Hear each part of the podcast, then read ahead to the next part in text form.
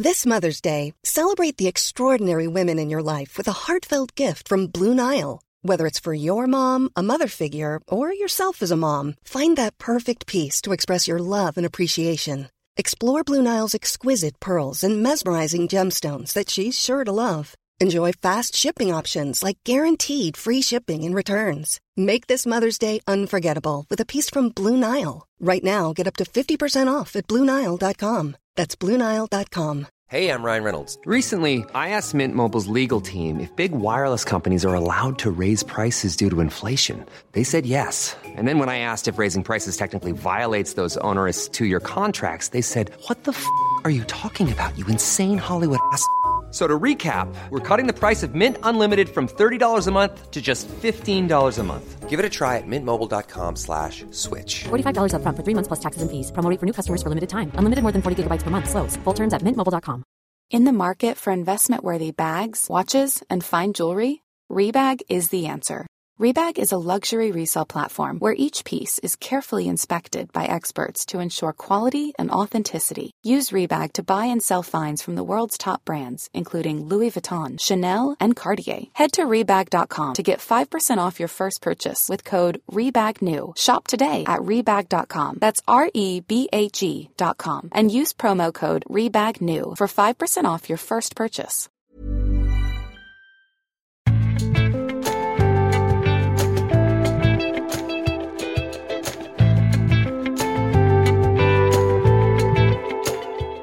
Hvordan kan ei bok om Hans Nilsen Hauge bli en thriller? Velkommen til Tore og Tarjei, en podkast fra dagen.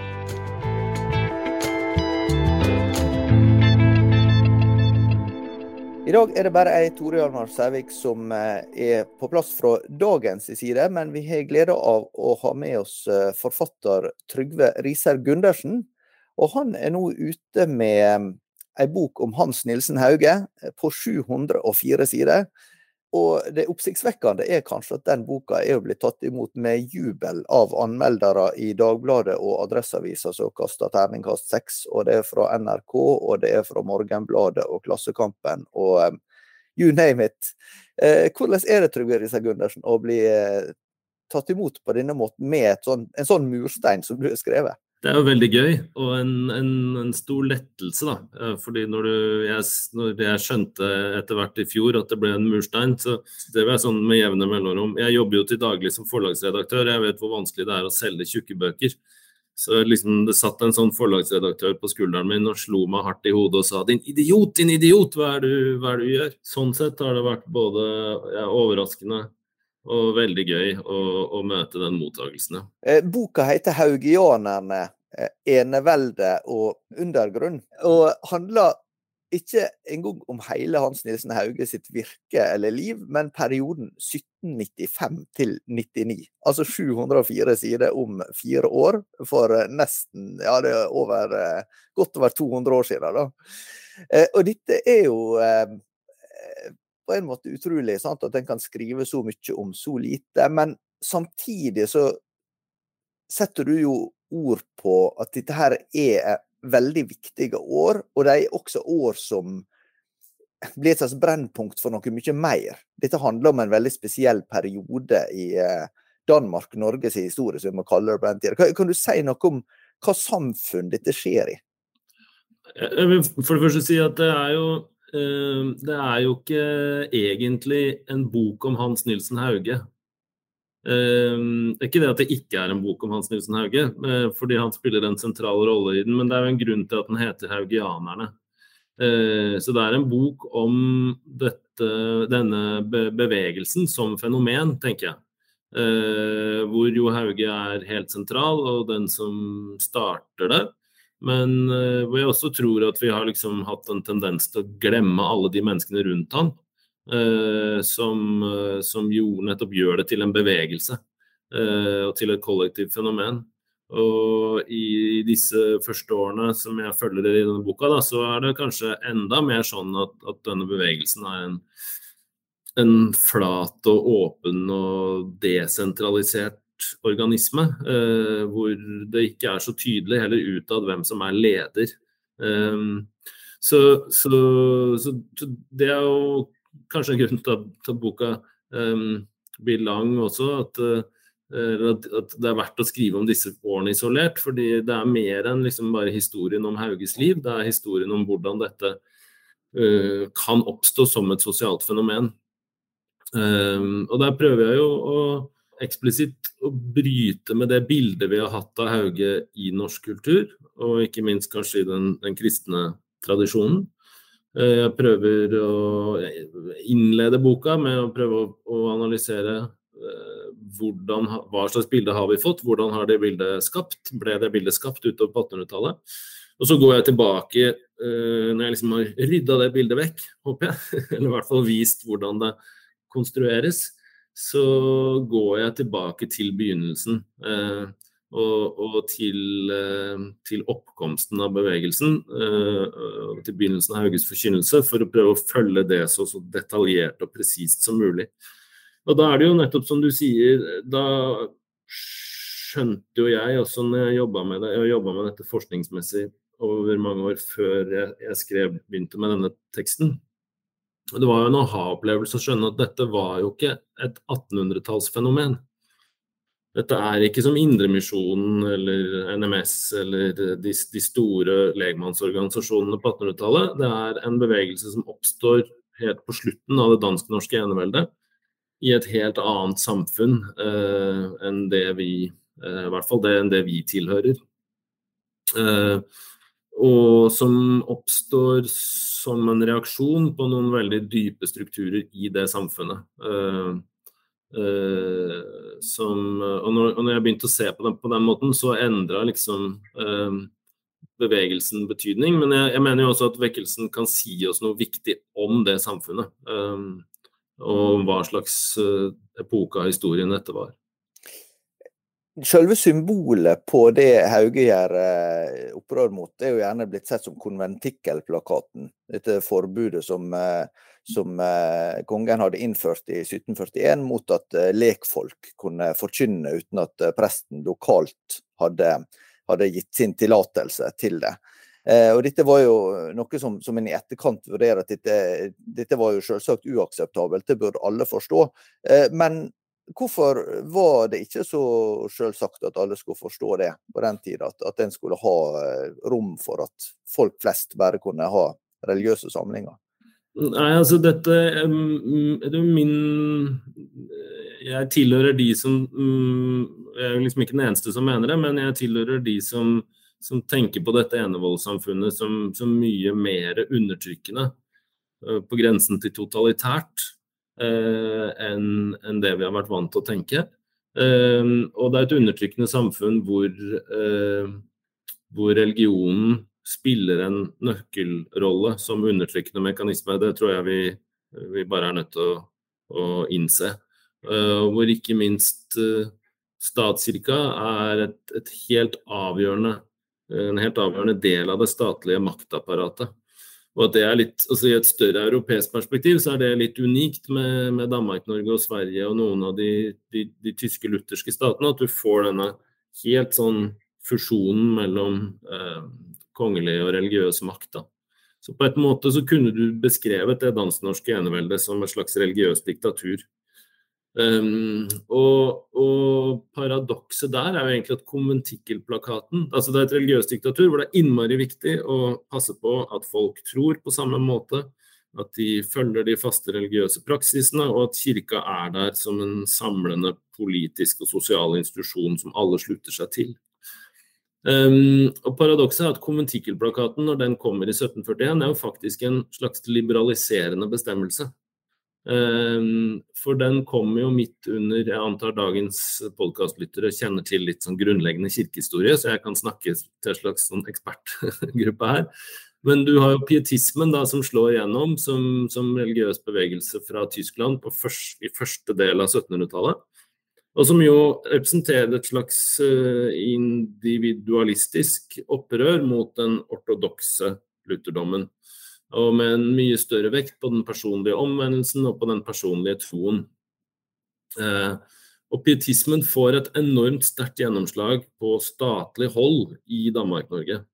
Eh, og Det gir seg utslag på mange nivåer. Veldig, man har store politiske reformer knytta til utdanning og sosialomsorg og sånn. Uh, men man har jo også et helt nytt ønske om at kirka skal hjelpe til å få den enkelte til å tro på riktig måte. Man får mye større ambisjoner for det uh, undervisnings- og trosopplegget. Og Da blir jo tanken om at man skal kunne ha disse små forsamlingene konventiklene er et viktig pietistisk ideal. Så konventikkelplakaten er et sånt umulig eh, kompromiss, kan du si, mellom en sånn veldig totalitær tradisjon hvor det ikke har vært lov til å møtes, og et ønske om å legge til rette for eh, små forsamlinger blant de ekstra troende. Så Derfor så er ikke den plakaten egentlig et totalt forbud mot sånne møter. Men de sier ja, dere kan gjerne ha sånne møter, men så ramser plakaten opp en masse premisser og forutsetninger for de møtene. Eh, og det aller viktigste premisset er at det er hele tida under geistlig tilsyn og med geistlig godkjennelse. Men det er en rotete og uoversiktlig og vanskelig anvendelig lov. Eh, likevel, og derfor så brukes den også ganske lite i praksis. Eh, men likevel så er det på en måte den man i første omgang har å møte Hauge med, og det er den og de første vakter med. Og det er jo den han til slutt også dømmes for å, å bryte. Du eh, har vært inne på at eh, Hauge kommer jo sånn sett i, i forlengelsen av en, en, vekkelse, eller flere vekkelser, som hadde vært før. At, at mm. det, det, var ikke unikt at det oppsto bevegelser i og eh, også til dels utafor det kirkelige fellesskapet. Kan du si noe om det religiøse landskapet som han som han blir født inn i og vokser opp i? Nei, altså um, Dette var kanskje noe av det som overraska meg mest, uh, som var den største oppdagelse, en av de store oppdagelsene da jeg jobba med boka. da. På ene siden så er jeg opptatt av å holde fast på at det er noe enormt dramatisk og radikalt med denne vekkelsen når den kommer. Det å få en stor, etter hvert nasjonalt omspennende, folkelig religiøs bevegelse Eh, det som ikke er prestestyrt på noen som helst slags måte, som, hvor allmuen organiserer seg selv, det hadde man noe maken til det hadde man aldri sett. Uh, og man, Her oppfinner haugianerne noe som, de, som, ingen vet hva er. og Det tenker jeg er viktig å huske. og De visste ikke selv hva Hauge selv visste ikke hva haugianismen var. uh, Så, så, det er kanskje aller viktigste prosjektet i boka. Si, se her, de finner opp noe sammen som ingen har sett maken til før. Og de gjør det underveis. Eh, og Derfor er det også et poeng å følge helt, helt tett de første årene. For du kan se hvordan det lag for lag tas valg, man oppdager ting sammen eh, som gir form til denne bevegelsen. Og det fortsetter liksom løpende i de, i de videre de neste åra som jeg skal jeg tenkte å skrive om i det planlagte bind to. Men, men, eh, men, samtidig, da, i tillegg til dette det radikalt nye, når du går til kildene og til Hauges egne tekster, så oppdager jeg jo at det er jo ikke sånn at han, når han begynner å reise, går ut i et sånt øde landskap hvor han er den første. Nei, tvert imot. Så, um, så skriver han helt konkret at nesten overalt hvor han kommer, så finner han uh, uh, grupper som tror annerledes, Uh, og de gruppene har stort sett til felles at de er rester av tidligere vekkelser. Og, og alle de vekkelsene um, har på en eller annen måte utspring i den pietistiske vekkelsen på begynnelsen av 1700-tallet. Uh, eh, og dette er noe som har blitt lagt veldig lite vekt på i kirkehistorieskrivinga, men du ser faktisk Hauge er, det, det, var ingen, tenker jeg, som hadde, som hadde, reist så mye i Norge, møtt så mange, diskutert så mye religion med så mye allmuefolk som Hans Nilsen Hauge. Han var eksperten på dette området. Uh, og han kan fortelle oss i sine tekster at i alle de norske byene så fantes det vakte, uh, sekter, uh, fantes en religiøs undergrunn som har pietismen som en felles rot. Da. Som jeg er fascinerende og gir et helt annet bilde av det samfunnet. Hvor forskjellige var disse grupperingene? For vi, altså, vi skal ikke gå for langt inn i spesialitetene, men, men i pietismen så fantes det jo en del uh, grupperinger som var mer sånn sekteriske, og andre som var tettere på det kirkelige. Men, men hva fantes det i Norge? Nei, det som si, Haugianerne selv forfekter jo en, en, teologi som i hvert fall på overflaten ligger ganske tett opp til det kirka selv forkynner. Eh, I hvert fall tradisjonelt sett. ikke sant? De, de står kanskje i opposisjon til rasjonalismen og sånn i samtida, men de er veldig opptatt av å knytte anter på topp i dag, og katekismen og sånne ting. Um, men de bevegelsene som Hauge treffer på når han reiser rundt, de er jo uh, de, de, aller fleste av dem har jo en eller annen type hernhutisk utgangspunkt. Altså denne uh, mer sånn pietistiske undergruppa.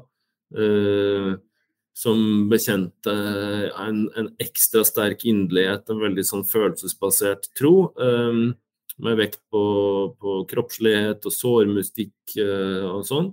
Um, som jo Hauge er veldig opptatt av å si at han senere er opptatt av å si at han er kritisk til og tar avstand fra.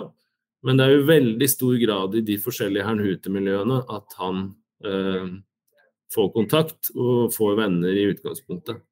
Men så har du sekter som er annerledes uh, og mer underlige da, med våre øyne, som er sånn radikal-pietistiske sekter som Bl.a. i Bergen forteller han han treffer en gruppe som, som lar skjegget gro langt, eh, som har på seg litt spesielle klær, eh, som, som um, faller og rister på møtene, og som følger sånne diettbestemmelser fra, fra Det gamle testamentet. Um, Uh, og som åpenbart uh, antageligvis har impulser fra sånne radikal-pietistiske miljøer i, i, Tyskland og Danmark. Da. Men det som er fascinerende, syns jeg, er at uh, det ser ut som, i hvert fall hvis vi skal tro Hauge selv, da, så vinner han tilhengere fra disse forskjellige gruppene, litt uavhengig av hva de opprinnelig, hvor de opprinnelig står teologisk. Så Hauge sier liksom ja, så møter jeg disse rare skjeggete folka i Bergen, og de hører på meg. Og så møter jeg en huter, og de hører på meg. Og så møter jeg mystikere og folk som leser Jakob Bøhme og er liksom esoterikere, og de hører på meg. Og Det får meg til å tenke at kanskje blant disse forskjellige sektene er det jo mennesker som alle, på, alle har tatt en risiko allerede og brytt ut av det etablerte religiøse miljøet og brytt med statens ideologi. Uh, og de har nok hatt mye lettere for å slutte seg til en ny, sterk forkynnerskikkelse som Hauge eller som de andre tidlige predikantene. Um, så derfor var det lettest å begynne å vinne tilhengere i de kretsene. Eh, I senere forståelse av Hauge har jo hatt sin åndsopplevelse på jordet i, i Tune utenfor Fredrikstad i 1796, 5. april. Eh, blitt tillagt veldig stor vekt. Eh, du er mer sånn Eh, ja, du, du, har et litt annet perspektiv på hva, hvor viktig den egentlig var. Ja, så der er det jo litt sånn det er veldig, det, Den historien om den, den åndsopplevelsen da, eh, er jo et ekstremt godt eksempel på hva, hvordan ting kan forandre seg når du går tilbake til de samtidige kildene.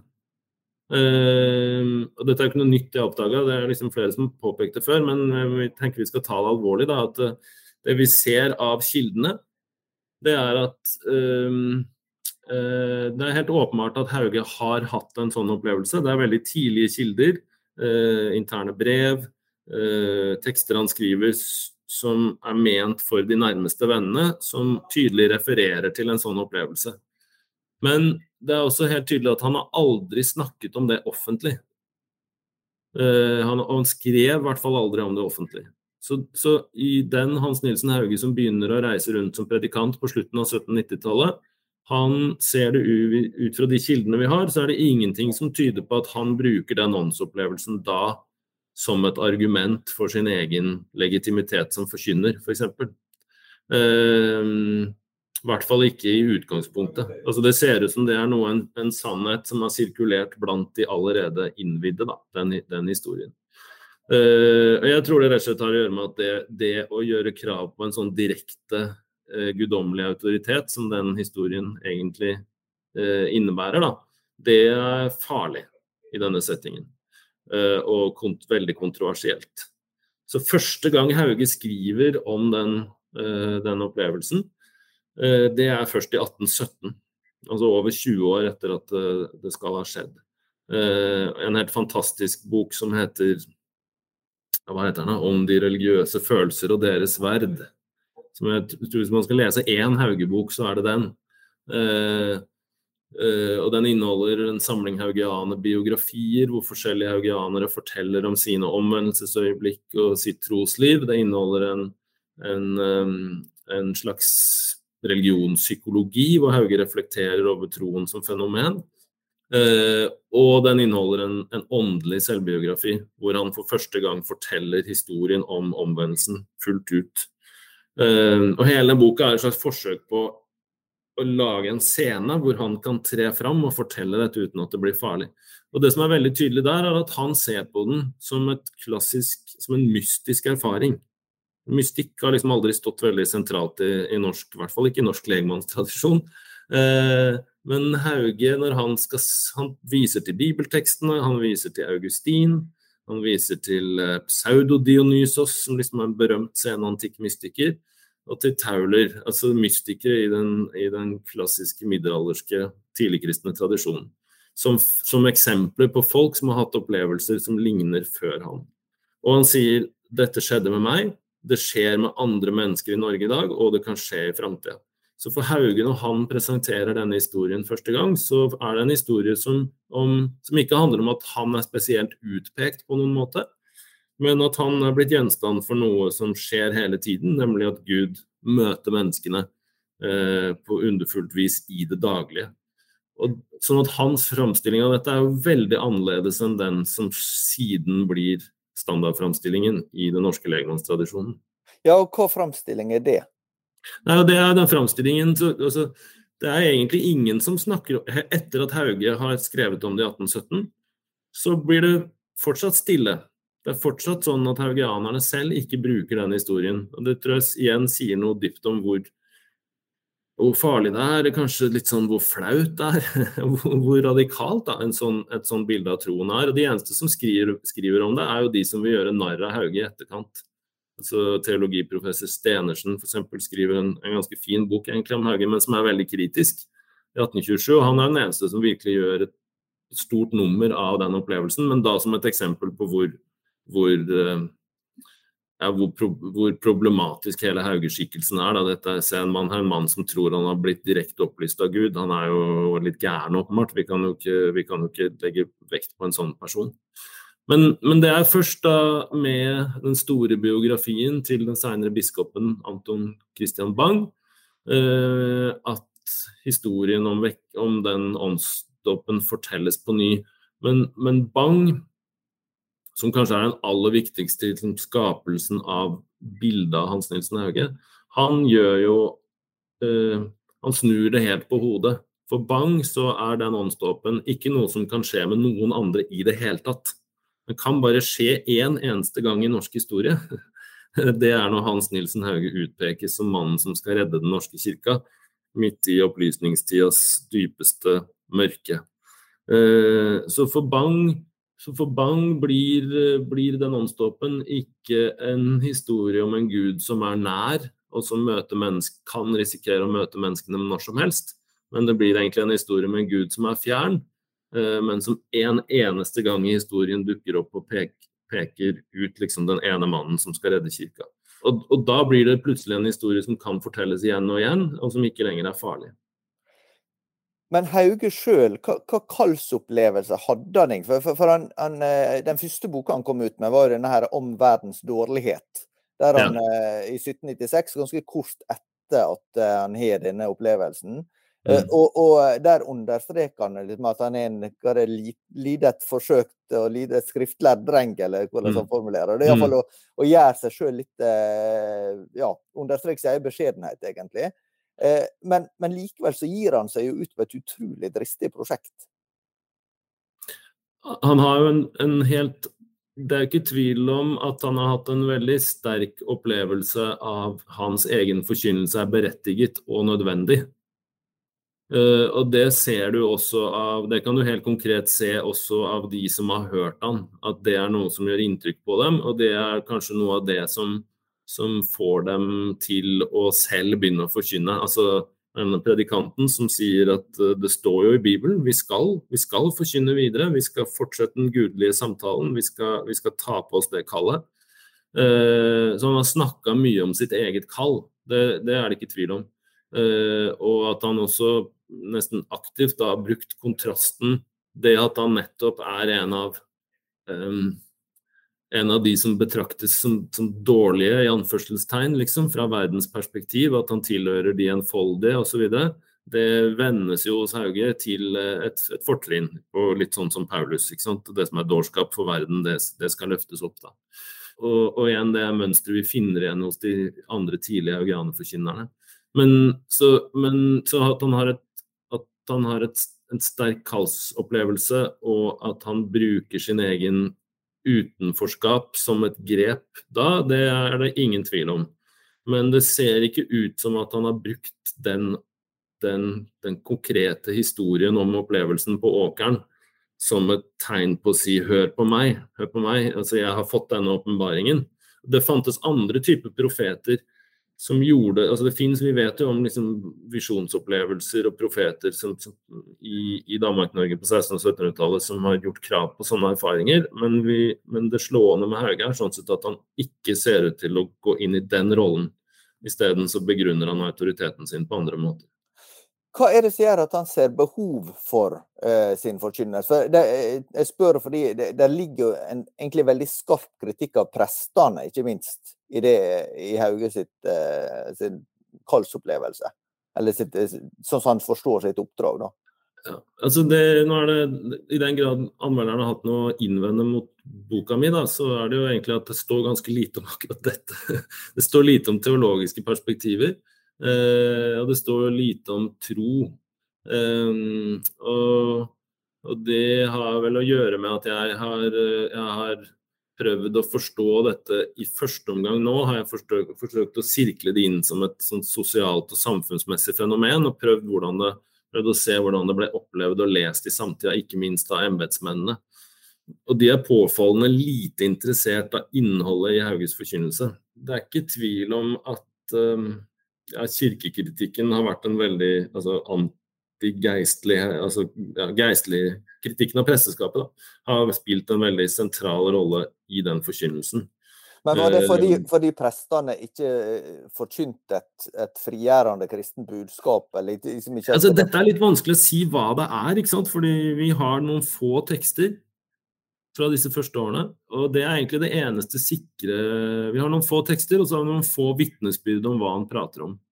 Eh, altså folk som blir bedt om å forklare seg om det seinere i rettssaken og sånn. Så vi kan jo, hvis vi skal liksom være strenge på det, ikke si så mye. Det er jo ganske lite vi kan si om hva han faktisk forkynner i disse første årene. Men ut fra tekstene så ser det jo ut som det er eh, um, han reagerer på umoral og vranglære og feil levemåte i samtida. Og, og, han opplever at mange av prestene egentlig ikke tar ordentlig avstand fra dette, men isteden slutter seg til det. Så, så, der er det en veldig sånn klassisk sånn botsforkynnelse, på en måte. Mm. Jeg er ikke sikker på, For meg, da, hvis du spør meg om hva det er som vekker gjenklang ved dette i samtida, så tror jeg jo ikke egentlig det er denne botsforkynnelsen. Jeg, jeg, tror det er det som vekker aller mest gjenklang, det er bruddet med det kirkelige talemonopolet. Uh, og det at det er uh, folket og allmuen selv som fører ordet med forkynnelsen. Og at dette er en forkynnelse som, som, bringer det religiøse språket mye nærmere dem, og som gir folk følelsen at de kan eie det språket selv. Så, så, så min følelse er at det er ikke Hauges er ikke Hauges strenghet og refsing og refselser som slår gjennom, men det er først og fremst den friheten han gir til masse mennesker som, som føler at dette er et språk som de fra nå av kan forvalte på egen hånd. Og Der er du også inne på at uh, i den kulturen som var i Norge, så, så, stemmer ikke det at dette her var bare bønder som, som uh, pløgde åkeren og, og, og, uh, måtte ikke visste stort om det som foregikk i verden, men at det var langt mer opplysning og, og egentlig uh, bevissthet om nasjonal identitet og sånn, enn det en kanskje har tenkt tidligere. Ja, ikke nasjonal identitet, for jeg tror jo også dette er før nasjonen finnes. da. Men, men på, samme, på ene sida så mener jeg jo at dette var et samfunn som var mye mer undertrykkende og strengt. Ja. Og på andre sida så mener jeg det er et samfunn hvor det er en mye større kulturell rikdom og, og variasjon og dynamikk i allmuekulturen enn det vi er vant til å tenke. Så kombinasjonen av det er jo at det er et samfunn med mye mye større politiske, og kulturelle og religiøse spenninger enn vi er vant til å tenke da. Men hvis du ser på allmuekulturen, så mener jeg det er eh, jeg er enig med de forskerne som mener at folk kunnet, på dette tidspunktet har kunnet lese. Altså at, eh, at leseferdigheten er svært utbredt, og at eh, de, folk, de forsamlingene Hauge preker til, det er mennesker som, som har gått innøvd i den religiøse litteraturen, de har lest, de kan skrive, de kan synge salmer. Uh, og de er mobile, de er bereist, de reiser inn til byene. Og til dels reiser predikantene selv inn til byene. Uh, så, sånn at det er ikke noe enfoldig og avsidesliggende publikum han møter, og særlig ikke i disse første årene. Uh, er, han snakker til en, en, forsamling av religiøse eksperter. Uh, som, eh, og han henvender seg også til en folkekultur som har veldig lang trening med organisasjon, kommunikasjon, eh, forbindelser i det skjulte i opposisjonen mot staten.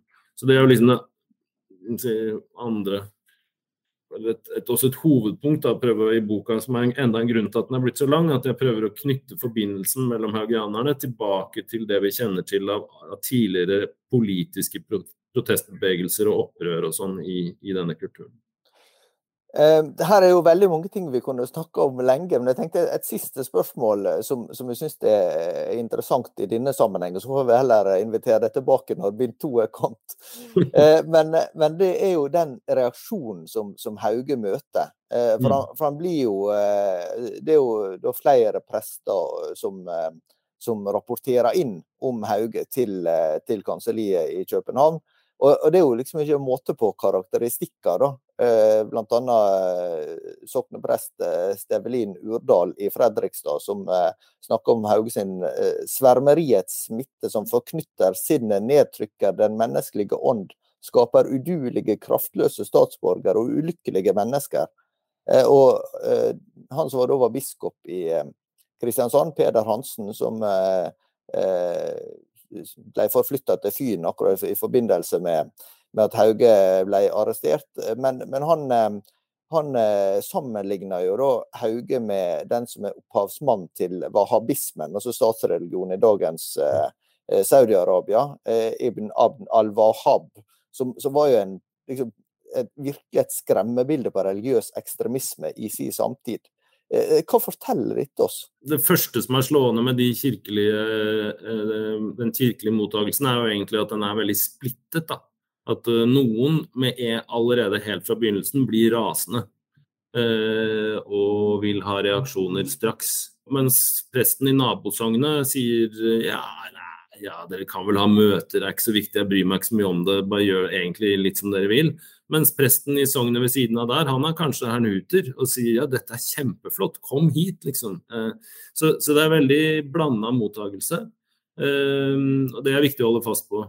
Eh, men så opp i løpet av disse åtte årene, da, fra forkynnelsen begynner til Hauge arresteres endelig høsten 1804, så skjer det vel en gradvis liksom Den spenningen øker.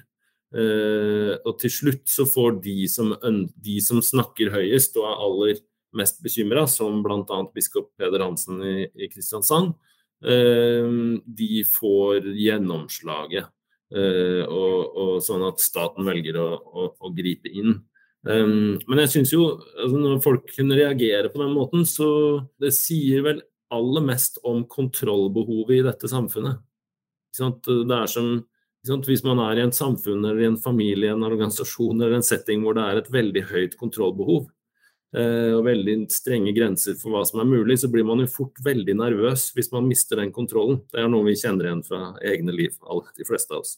Eh, og, og i dette samfunnet er kontrollbehovet så stort at det at det oppstår en type spontan, selvorganisert religiøs bevegelse som dette, som i tillegg begynner å lage fabrikker og tjene penger og, og, og vokser på forskjellige måter, eh, det skaper også veldig stor nervøsitet i staten. Da blir det spennende å følge denne thrilleren videre i binde to. For lykke til med arbeidet med den, Trygve Risa Gundersen, og takk for at du ville delta her hos oss. Vi høres igjen neste uke.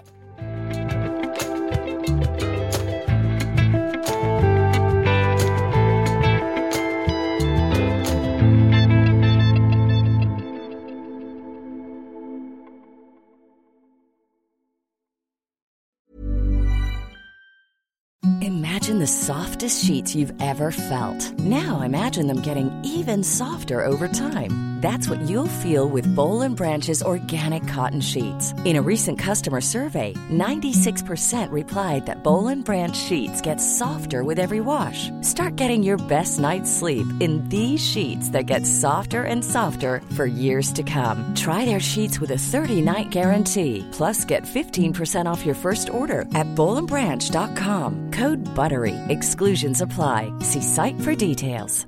Hi, I'm Daniel, founder of Pretty Litter. Did you know cats tend to hide symptoms of sickness and pain? I learned this the hard way after losing my cat, Gingy. So I created Pretty Litter, a health monitoring litter that helps detect early signs of illness by changing colors, saving you money and potentially your cat's life. Pretty Litter is veterinarian developed, and it's the easiest way to keep tabs on your fur baby's health right at home. Go to prettylitter.com and use code ACAST for 20% off your first order and a free cat toy. Terms and conditions apply. See site for details. Even when we're on a budget, we still deserve nice things.